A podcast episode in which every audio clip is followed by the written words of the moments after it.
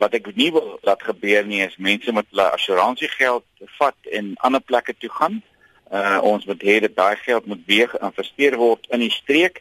Uh maar dieselfde tyd uh daar's ook 'n kans as iets regtig uh, gebrand het, daar's 'n kans om hernuwing nou in die proses in te bring. En uh dit moet ons nou uh, uh regering se meganismes gebruik soos soos ons beplanningsdepartemente. Uh ons moet nou ook kyk, ons het 'n uh, groot tekort aan water. Hoe kan ons sorg dat ons ons waterstelsels nou help met watertenke en en sulke dinge in die in die herbouproses?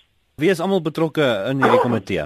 Die komitee bestaan uit myself as voorsitter en dan uh, die burgemeester van die Eden distrik, uh, Memory Boysen, hy is uh, hy is deel en dan die burgemeester van Albei Nyson Pletburg Bay. So die politici is betrokke.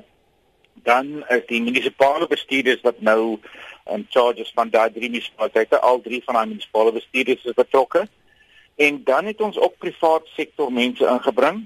Ons het mense uh, soos Jill Marcus wat uh, wat deel is, sy is 'n inwoner van die streek, maar ons het dit gevoel dat uh, ons moet mense soos Jill in hê om uh, te help wanneer daar geld is betrokke is en daar's baie geld wat nou ingesamel is deur die privaat sektor en uh, mense moet weet dat daar's uh, iemand wat daar is met 'n oorsigrol en hulle kan maar hulle kan maar kyk en sien of die verslag wat daar deurkom uh, sal definitief uh, vir die gewone persoon in die straat uh, daai ekstra oorsig gee omdat daar iemand uh, van die private sektor daar sit.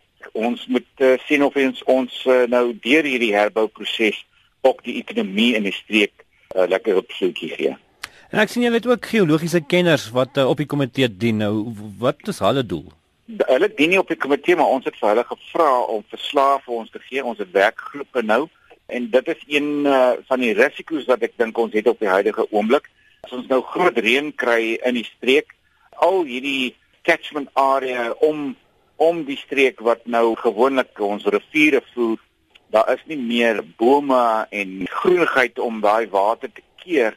Nou gaan dit baie vinnig afstroom ons moet sorg dat uh, ons risiko nou verminder in daai arena.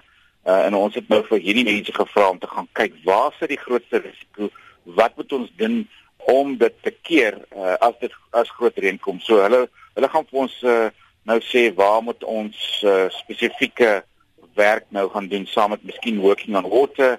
Uh, daai mense om in te kry om te sorg dat ons miskien die bome sny en lê in die water uh, uh, stroomareas moet ons nou uh, slote begin grawe maar ons moet uh, spesifieke kennis nou inbring om om om vir ons te adviseer daar. Wat is julle grootste uitdaging op hierdie oomblik? Onmiddellik na die brande, baie mense het ingestroom, ons het baie hulp gekry. Mense het ingekom met donasies, met klere, met uh, komberse ensovoorts. En die mense wat betrokke was, selfs mense wat hulle huise verloor het, maar ook uh, nie die algemene persoon in die streek. Die adrenaline was nog aan die gang. Um, ek dink dit was uh, almal almal was betrokke. Nou 'n maand later, ek dink daai post-traumatic stress is besig om in te kom. So nou nou is die die die, die streek onmiddellik uh, is hoe hoe gee ons hoop nou vir die toekoms? Ek dink dis ons ons ons begin werk